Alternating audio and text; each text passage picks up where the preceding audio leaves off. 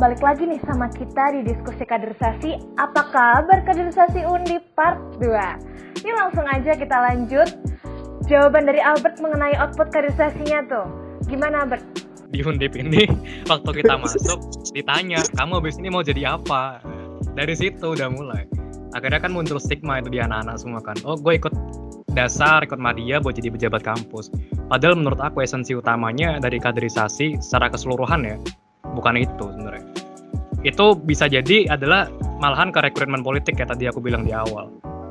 Kalau mau sebenarnya makanya kita harus pikirkan ulang. Karena di arahannya kebijakannya Nadim itu udah udah ada arahan yang sangat jelas dan itu tinggal kita turunkan sebenarnya. Terutama di kebijakan dia soal general education. Wah itu kalau kita baca aku aja baca merinding juga. Dia dia bahas soal pemahaman kebangsaan di situ. Tapi dia coba gimana dia pingin anak-anak itu mahasiswa bisa kuasai literasi baru dan keterampilan abad 21. Dia ingin kita tuh punya moralitas, punya empati, dan kita bisa jadi problem solver, bukan cuma bisa jadi orang yang menuntut. Dan juga dia tuh pingin outcome-nya nanti pada akhirnya kita-kita ini, anak-anak muda ini setelah keluar dari kampus, kita bisa mengubah Indonesia, kita bisa mengubah dunia yang lebih baik. Itu yang dipinginin sama Mas Menteri. Itu tinggal kita turunkan sebenarnya. Dan udah sesuai sama uh, realita global dan kebutuhan global. Nah, uh, menarik sih, apalagi tadi ya. Uh, ini malam ini benar-benar menguliti kaderisasi banget ya. nah, um, nah sebenarnya kan di awal sih Sumang sama Albert tuh udah udah menjawab ya kaderisasi menurut pemahaman masing-masing gitu ya.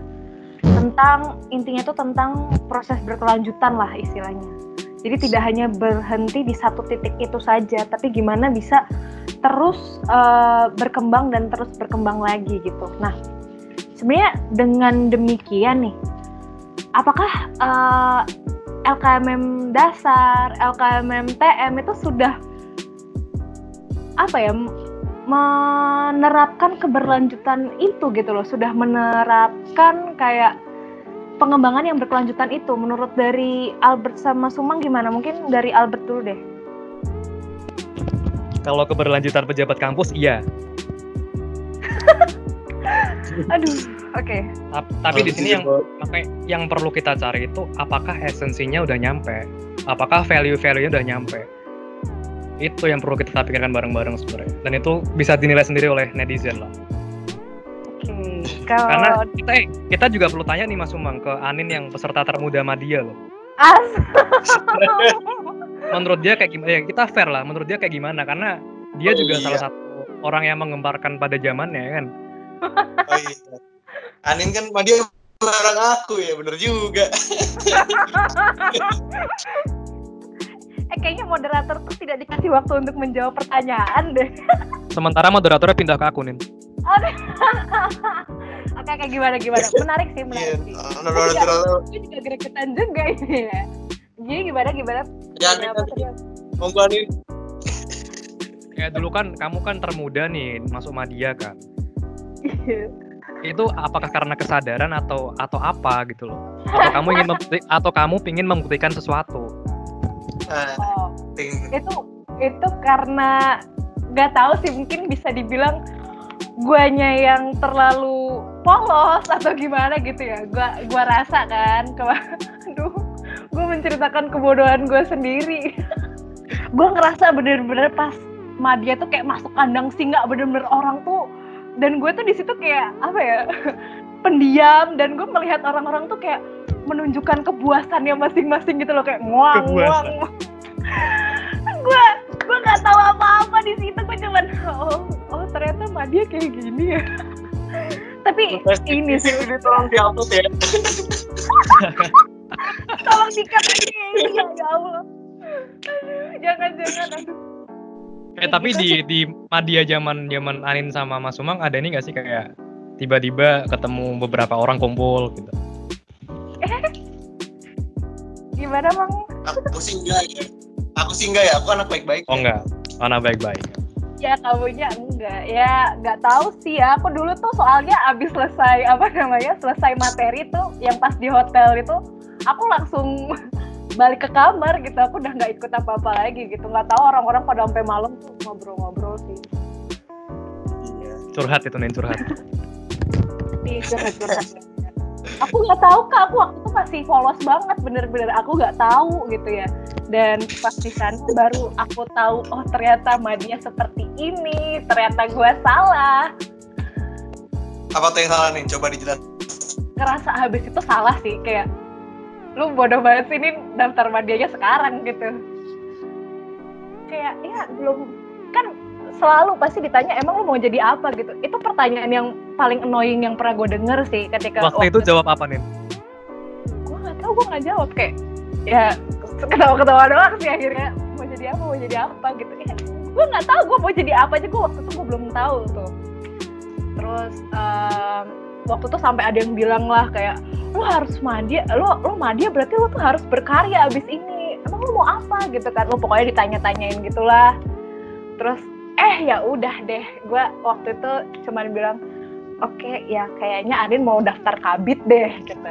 Ya udah akhirnya ya udah ke ke ke sana juga akhirnya. Cuman ya tahu nggak sih kayak pandangan sebelah mata gitu loh. Hah, ini anak 2017 dan itu kaget banget sih orang-orang begitu tahu gue 2017 tuh pada lumayan kaget gitu saat itu. Muka lu tua sih. kagak ya Allah bahas gue mah ntar jadi nggak selesai selesai malah ngomongin gue Ya gue jawab, gue jawab, gue jawab. Gue yang jawab kan sekarang. oke oke oke semua ya Kalau LKMM, menurut aku ya, kalau ngelihat dari dua sudut pandang ya kan LKMM ini program resmi dari pemerintah ya. eh mereka sih ganti terus kurikulumnya disesuaikan sama tahunnya. Jadi kalau sekalian teman-teman perhatiin, sering keluar panduan-panduan baru lah dari pemerintah gitu. Nah, cuman kalau diturunkan sama mahasiswanya, nggak banyak revisi ya. Bahkan kayaknya sejauh yang aku perhatiin nggak berubah. Bahkan banyak materinya yang udah nggak relevan. Yang jadinya outputnya ya udah stuck di situ-situ aja baru kemarin baru mau coba dirubah. Jadi untuk yang KMM sendiri banyak yang berubah. Itu improvisasi panitia sendiri kebanyakan. Jadi untuk sistemnya sendiri kan dari sistem kaderisasinya kurikulumnya udah harus diperbarui. Bahkan 2020 aja udah ada. Gitu. itu itu karena lo yang jadi acara gak sih Enggak ya gitulah pokoknya. Nah itu banyak itu sih banyak harus perombakan apalagi yang kurikulum LKMM terbaru udah keluar tuh buatan Dikbud itu menurutku udah lebih modern sih. Sudut pandang organisasi pun udah lebih modern. Dan itu perlu disesuaikan lagi sama mahasiswa apakah sesuai dengan kebutuhan undip atau enggak gitu. Itu organisasi ya itu organisasi banget loh itu. Hmm. Em, ya dia terus. Ya itu sih nah. Em, berkaitan sama itu sih mungkin ini pertanyaan yang agak sulit ya kaderisasi itu soal mindset atau soal sistem mungkin bisa dijawab dari Sumang dulu oke soal mindset atau soal sistem ya Iya. sebenarnya itu dua hal yang berhubungan ya. Kita perlu mindset yang baik untuk mengolah sebuah sistem yang baik juga gitu. Outputnya dari kaderisasi adalah sebuah sistem kaderisasi harusnya. Tapi landasan berpikir adalah sebuah mindset yang baik. Gitu. Jadi percuma kita punya mindset yang baik, tapi kita nggak bisa menerjemahkan itu jadi sebuah sistem yang berkelanjutan kayak gitu. Tapi akan jadi salah juga kalau kita dengan mindset yang salah membuat sebuah sistem kaderisasi yang ujung-ujungnya ya tidak berdampak apa-apa kayak gitu. Gitu sih Nin. Oke, kalau dari Albert gimana?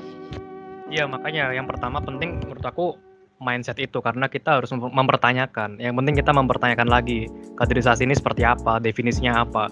Baru sistem itu kan soal strateginya, soal caranya seperti apa.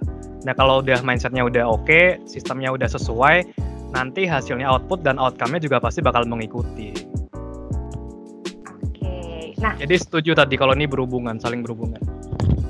Eh, mungkin untuk mempertegas dari ini ya apa namanya judul diskusi kaderisasi pada hari ini gitu kan judulnya apa kabar kaderisasi di Undip. Nah mungkin dari Albert sama Sumang bisa merangkum itu dan eh, bisa menjawab apa kabar kaderisasi di Undip. Mungkin mungkin mau siapa dulu yang jawab Albert Albert Albert dulu Albert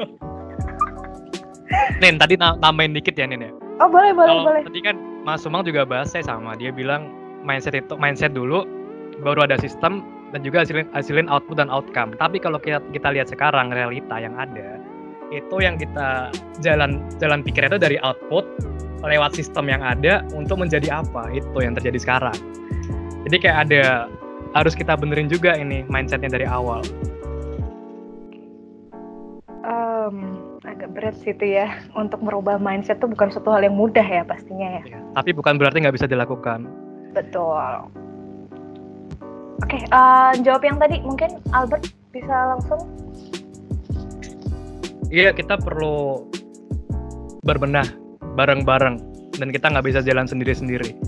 Perlu kita satuin ide bareng-bareng teman-teman seundip. Pemikiran-pemikiran itu perlu disatuin untuk kita bikin kaderisasi di undip lebih baik. Ya kita sesuaikanlah dengan perkembangan zaman, dengan kebijakan-kebijakan baru yang ada.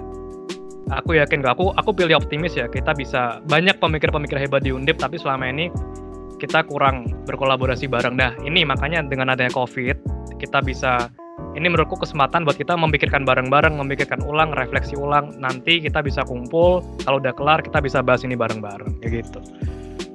Oke okay. um, sekarang Sumang gimana nih kabar kaderisasi Undip semakin hari semakin terancam ya jadi ayo teman-teman yang bergerak dan peduli terhadap kaderisasi ya monggo silahkan dimulai. Belum terlambat. Banyak ide-ide yang kalian punya, cuman sekarang waktunya kalian menyuarakan dan buat itu jadi kenyataan. Jangan sampai udah semuanya hancur, baru kalian sadar, mumpung sekarang belum hancur, kita usahakan bersama biar lebih baik lagi. Kata-kataku tega banget ya, tapi emang kayak gitu sih perumpamaan yang bagus. itu perumpamaan yang bagus sih.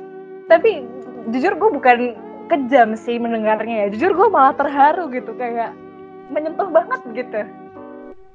Ya seenggaknya kalau gue udah mau lulus bisa mengeluarkan kata-kata bagus lah kayak gitu. Aduh bener banget. Oke oke. Okay. nah um, ini biar cair lagi nih ya. Kita bahas tanggapan netizen lagi nih tanggapan netizen ya Loh kirain tadi penutup Oh belum. ini kan sampai sampai sahur ini ya. Oke. Okay, oh iya, Yang pertama nih, banyaknya stigma negatif dalam kurung kaderisasi untuk organisatoris dan lain-lain terkait sistem kaderisasi yang ada sehingga mengurangi peminat. Gimana cara buat mengubah mindset tersebut? Wah ini mantep banget nih. Sesuai tadi yang dibilang sama Albert kan untuk mengubah mindset. Nah karena tadi sesuai sama Albert, mungkin Albert bisa jawab dulu nih. ya karena yang terjadi sekarang itu yang jalan ya kaderisasi untuk organisasi mahasiswa. Padahal kalau kita lihat tadi kita udah bahas banyak, sebenarnya esensi kaderisasi itu menyeluruh untuk semua mahasiswa. Tapi sekarang yang kita lihat berjalan itu untuk organi untuk ormawa. Itu aja sih yang perlu kita pikirkan bareng-bareng. Tadi gimana caranya kita buat sesuatu sistem mekanisme yang terintegrasi. Jadi semua ini bisa tercakup. Uh, lanjut, Semang gimana? Ulang dulu nih, pertanyaan ulang dulu nih. Aku lupa nih, ulang-ulang. Oke nih ya, diulang. Uh, banyaknya stigma negatif, yaitu kaderisasi untuk organisatoris dan lain-lain. Terkait sistem kaderisasi yang ada, mengurangi peminat. Gimana cara ngubah mindset tersebut? Karena peminat ya.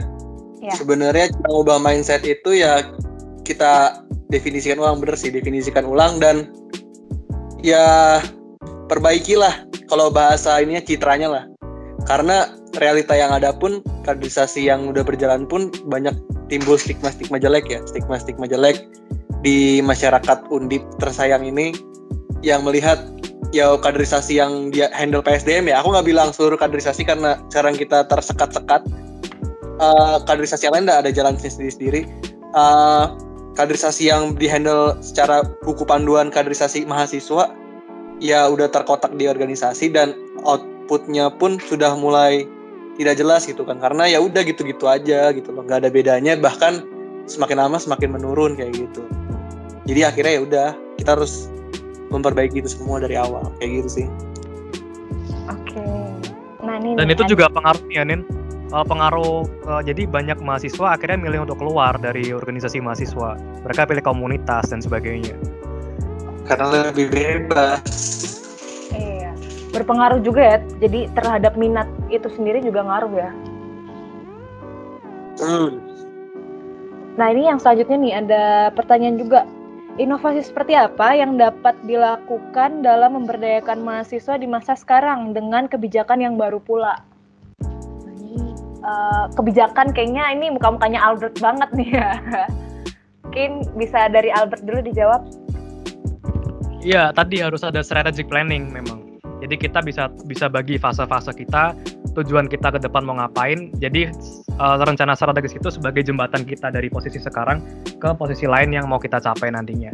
Karena kalau kita lihat dari kebijakan nasional itu udah sangat sangat sesuai kok. Itu mimpi yang luar biasa lah dari Pak Jokowi lah. Dan diterjemahkan dengan sangat apik juga sama Mas Nadim. Dan kita tinggal jalanin aja sebenarnya. Oke. Nyambung? Inovasi ya. Kalau secara pelaksanaan yang kayak sekarang lah kita melek teknologi. Melek teknologi dalam artian mulailah kaderisasi ini berkolaborasi dengan teknologi. Gimana caranya kita bisa mentransfer ilmu-ilmu soft skill kita yang lewat daring kah atau YouTube kah atau kolaborasi dengan teknologi melek dengan teknologi. Dan oh ya kita kalau menurutku menurutku inovasi yang harus kita kembangkan adalah uh, coba deh kita mulai melek sama teknologi. Kita buka kaderisasi ini berkolaborasi dengan teknologi gitu. Minimal seperti itu sih inovasi. Dan juga itu tadi kita mulai merencanakan sebuah strategic planning gitu. Gimana caranya kita membuat kaderisasi lebih dinamis jangan sistem yang kita buat tuh justru malah menurunkan kualitas kita sendiri kayak gitu. Nah, Nin, BTW Nin, itu udah juga masuk di kebijakan Nadim. Dia dia pingin ada literasi teknologi dan literasi manusia. Tadi yang dibicarain Mas Umang itu udah mencakup sebenarnya. Jadi Mas Umang ini pemikirannya sama kayak Nadim berarti. OTW Menteri Pendidikan. Amin. ah, nggak salah banget ngomong. nah ini yang selanjutnya ini ada tanggapan-tanggapan sih dari netizen ya tentang kaderisasi itu sendiri mungkin nanti dari tanggapan-tanggapan ini bisa ditanggepin balik nih sama Albert sama Sumang ya.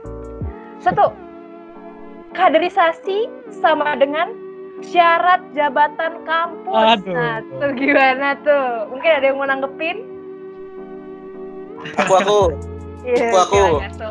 Gimana gimana? Ya, untuk hari ini. ya karena aku aku aku nggak bisa memungkiri lah. Kalau kita bicara politik aja berdiri sendiri juga susah ya. Kita perlu ilmu lain ilmu manajemen gitu kan manajerial gitu kan. Dan yang hari ini mengakomodir itu ya LKMM kan training yang ada untuk mengakomodir kompetensi itu. Jadi ya wajar kalau sekarang LKMM kaderisasi kemahasiswaan jadi syarat jabatan ya wajar. Karena itu doang yang akomodir walaupun ada cara lain misalnya kita lihat dari basis kepemimpinannya atau apa dan itu yang belum berkembang di Undip. Mungkin itu bisa jadi satu salah satu alternatif pengganti KMM yang jadi syarat jabatan. Kayak gitu mungkin. Mungkin ya. ya tapi itu yang pasti sih. Kalau sekarang kaderisasi sebagai syarat jabatan ya emang kayak gitu adanya mau diapain? Ya gimana ya? Jujur ya, gimana ya? Albert gimana Bert kalau lihat hari ini memang mutlak iya tadi aku sepakat juga tuh menarik juga dari Mas Omong bilang gitu. Memang kita harus coba pisah pisahin ya antara alur rekrutmen politik dan juga kaderisasi. Itu yang harus kita coba pisahin. Mencampur adukan urusan gitu ya. Iya. Tapi Gimana tapi aku izin sharing ya. Sharing ya. Maksudnya aku Boleh, juga apa? baru baru ini ya ikut coba baca-baca tentang vacancy job vacancy gitu ya. Sebenarnya kalau kita perhatiin di luar sana juga kayak gitu loh kita anak S1 sama anak SMA aja standarnya beda gitu. Kayaknya di Undip juga kayak gitu deh. Kalau misalnya kamu mau ngisi satu posisi, kamu harus LKMM apa dulu biar kamu bisa langsung masuk. Kalau yang di bawahnya susah naik ke atas itu. Kayak gitu deh Undip kurang lebih. Ber berarti udah dari mahasiswa ya diajarin gitu ya Mas ya? ya mungkin itu juga salah satu refleksi realita waktu tahun dulu bikin kayak gitu. Oh wow gitu ya. Berarti emang nggak cuman di perkampusan aja gitu ya. Ternyata di dunia luar juga begitu adanya ya. Oke nih kita kita lanjut ke tanggapan yang selanjutnya nih. Isu kaderisasi akan booming dan melejit saat pemira dimulai. Nah, ini setuju nggak? Siapa dulu nih yang mau jawab nih? Gimana bang? Nggak setuju, kurang lengkap. Tambahin ODM. Wah, aduh. kebukaan banget ya. Dua, kalau ada maba sama pas mau nyalon, terus ntar calonnya nggak disenengin, terus boleh lah tuh bahas. Gimana sih kayak meme-nya nggak nggak ini outputnya nggak jelas gitu-gitu deh. Mungkin Albert lebih merasakan gitu. Aduh, Gimana Albert? Albert mungkin mungkin bisa kalian cerita Albert gitu dari pengalaman atau gimana gitu ya? iya pasti. Eh, ada kurang lagi mas. Apa Waktu tuh? pembukaan, waktu pembukaan pendaftar, eh waktu pengumuman pendaftaran. Oh ya. Itu kalau udah pengumuman keluar, itu udah udah masuk arena politik gitu. Ya nggak sih? Langsung stigmanya kan main nih. Oh nih bocah mau jadi kabem nih, bocah mau jadi kabit nih. Bahkan dari dasar pun udah kayak gitu. Oh pikir Jadi jangan iya, jangankan waktu udah kelar media, ah mau kau nyebut media sih, waktu udah kelar kaderisasinya atau masih berjalan prosesnya. Waktu sebelum mulai aja udah mulai itu kayak gitu. Nah, Kalau itu kepercayaan ketahuan publik. daftar tuh ya. Nah, kenapa tuh Nin? Kalau misalnya Dan jadi tradisi. Nah iya gitu kalau misalnya lu ketahuan daftar sesuatu gitu kan maksudnya wah nih orang mau mau mau jadi apa nih kok dia daftar ini gitu. Lucunya nanti kalau biasanya di di dalam bidang kita ya itu bakal saling curiga ya nggak di sini. Nih misal gue daftar dasar nih, lo daftar dasar juga ya kan? Wah terus kayak kayak model-model sinetron ini sinetron Iya. Indosiar gitu ngomong dalam hati ternyata dia daftar juga. Nah yang lucu lagi bakal ada gini nanti. Waktu udah habis dasar itu orang-orang bakal pada tanya eh lanjut nggak? Gitu. Oh, enggak aku udah capek. Tiba-tiba ada aja namanya. Gue udah kebaca tuh orang-orang kayak gitu tuh, tuh kayaknya. Makanya jangan percaya gitu ya kita diajarkan untuk saling curiga gitu sebenarnya ya. Astaga. ini kayak eh, soalnya ini pengalaman mang. Jadi kayak emang dari hati banget gitu si Albert ceritanya. Ada aja Oh namanya iya. Oke, Albert, eh dulu itu waktu Anin daftar Madia. Wah rame itu. Mana Rame. ada karena lagi-lagi stigmanya nih stigmanya orang-orang. Iya, pendaftar termuda mungkin paling cantik juga kali ya tahun itu gitu oh enggak juga sih ini nih masih ada nih masih ada kalau ini harapan sih jadi harapannya gini nih saya harap bisa menggugah otak mati dari mahasiswa yang tidak mau belajar perubahan pemerintah edukasi gitu. Wah, gimana nih tanggapan dari Sumang dulu deh. Ya, amin. Ya. Amin. Oke. Nggak, Albert, tapi Albert emang juga. tapi tapi tapi emang dengan podcast ini harapannya sih bisa ini sih aku pengennya sih teman-teman yang mendengarkan ini ya paling nggak mulai berani bersuara lah nggak apa-apa di senggol aja pejabat-pejabat mahasiswa di atasnya itu yang sedang menjabat sekarang daripada pusing sama covid mending kita bikin diskusi lah dikit-dikit gitu Ih, mantap banget nih ya. tapi ya Nen aku cerita dikit ya kemarin waktu di Madia itu aku juga nemu kok banyak orang-orang yang mereka nggak seperti yang kita pikirkan gitu mereka punya bener-bener ikut Madia tuh pengen ngerubah mindset mereka pengen coba ngerubah kaderisasi ke arah yang lebih baik banyak sebenarnya anak-anak ini tapi Lo tadi tinggal sekarang sih?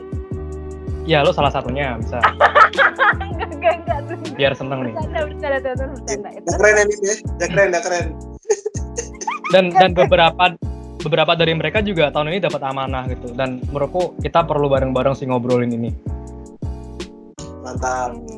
Mantap, mantap. jangan Ya, dulu ya Albert Nah itu semoga ya uh, teman-teman dengan adanya podcast ini tuh bisa ya menyenggol lah teman-teman yang mungkin selama ini tuh udah ngerasa gitu ya, tapi uh, bingung gitu loh istilahnya mau mulai dari mana, mau ngomong ke siapa juga. Nah dengan diskusi kali ini tuh mudah-mudahan makin banyak teman-teman mahasiswa yang oh ternyata ini ya kaderisasi sekarang tuh kayak gini gitu loh dan bisa bareng-bareng akhirnya nanti kerjasama kita kolaborasi buat mewujudin kaderisasi yang lebih baik lagi. Amin. Amin. Dan yang pasti nih, yang pasti harus inklusif. Jadi kita juga butuh pendapat dari teman-teman non organisasi. Nah itu Bahkan kalau perlu teman-teman komunitas di luar kampus itu juga kita perlu cari tahu supaya kita bisa dapat banyak masukan perbandingan dan sebagainya. Ya mungkin sedikit lagi ya apa gak usah takut lah kalau masalah ini dinyampein gitu loh. Karena ini sesama mahasiswa lah gak apa-apa teman-teman bersuara sesuka hati teman-teman jangan takut merasa direpresif kah atau apa. Ini benar-benar lapangan teman-teman untuk menyuarakan aspirasi sih menurutku kaderisasi itu. Iya mungkin selama ini tuh pada takut kayak dirasa kayak beda sendiri gitu loh pandangannya atau juga takut kayak uh, akhirnya nanti dirundung sama banyak orang gitu tapi mungkin dari ini kita bisa bareng-bareng gitu ya buat uh, lebih peduli lagi sama kaderisasi di Undip. Oh, ya. tidak ada yang salah di dunia ini. Semuanya yang perspektif. Oke, okay, betul betul. Um, mungkin yang terakhir nih deh. Uh, closing statement dari mas-masnya buat diskusi kaderisasi kali ini. Mau dari siapa dulu? Albert. Dari Anin. Dari Anin. Kalau dari gue itu namanya udah langsung nutup acaranya Bapak. Ini dari kalian dulu ya. Oke, silakan closing statement dari Albert gitu. Ya, perubahan dan disrupsi itu nyata terjadi. Jadi kita harus segera berbenah diri, refleksi bersama. Kita bareng-bareng mikirkan untuk kaderisasi yang lebih baik di Undip. Dan juga yang penting jangan takut untuk jadi orang yang punya beda pendapat karena yang pasti keberagaman itulah yang mempersatukan kita dan bakal bisa membawa kita lebih baik ke depan bareng-bareng. Buat kaderisasi, yang pasti bukan hanya kaderisasi tapi semua hal ya. Kita butuh perencanaan yang baik, perencanaan yang matang di awal. Karena kalau perencanaannya udah bagus, pasti implementasinya tinggal kita monitor, evaluasi dan juga output sama outcome-nya bisa kita ukur bareng-bareng nanti. Gitu. Oke. Terima kasih Albert. Mungkin lanjut closing statement dari Sumang. Oke, jadi ya perubahan itu nggak akan pernah terwujud kalau kita cuma sampai tahap mikirin dan menyadarinya gitu loh. Perubahan itu bakal terwujud kalau teman-teman udah mulai berani speak up, berani berusaha, berani berpikir, dan berani mengucapkan. Apalagi kita sama-sama mahasiswa, S1, D3, semua segala macam, sama-sama belajar untuk berpikir lebih dewasa, lebih kompleks, dan ini juga lapangan kita untuk berkarya. Jadi harapanku ya teman-teman di sini bisa sama-sama lah. Kita buat lapangan kita yang senyaman-nyamannya gimana caranya adik-adik kita ya mungkin kita nggak ngerasain secara langsung mungkin adik-adik kita bisa ngerasain kalau pengembangan karir itu ada pengembangan soft skill itu ada dan teman-teman bisa merasakan itu ketika teman-teman berkuliah di Undip. Mungkin itu sih kalau dari aku oke. Keren banget pokoknya ya. Ini emang uh, salah satu uh, dua orang yang luar biasa banget pada malam hari ini. Obrolan kita juga keren banget dan apa ya jujur kalau dari aku pribadi sih awalnya nggak expect banget kita bakal ngobrolin se menguliti ini gitu loh sedalam ini gitu. Ini makasih banget buat Albert sama Sumang yang udah menyediakan waktunya kuotanya dan juga uh, berpendapat dan opininya di diskusi kaderisasi ini kesempatan yang luar biasa banget bisa ngobrol sama kalian berdua mudah-mudahan apa yang kita bawa pada malam hari ini tuh bisa membawa dampak yang baik juga untuk kemajuan kaderisasi di Undip dan bisa menggerakkan kita untuk bergerak bersama-sama. Nah, mungkin okay. untuk menutup menutup malam hari ini, menutup diskusi kita, mungkin dari Adin ada closing statement juga ya. Nggak mau kalah dong gue. Aduh. Ya. Um, Oke. Okay. Kaderisasi tidak hanya milik mereka yang berorganisasi kaderisasi itu milik kita semua. Kita punya hak yang sama untuk berkembang, dan kita punya hak dan kesempatan yang sama untuk berjuang. Zaman berubah, dunia berubah, kebutuhan pun ikut berubah. Kaderisasi masih itu-itu aja. Sudah selayaknya kaderisasi butuh adaptasi. Saya Isabella Ras Anindya pamit undur diri. Salam kaderisasi. Hidup mahasiswa. Hidup.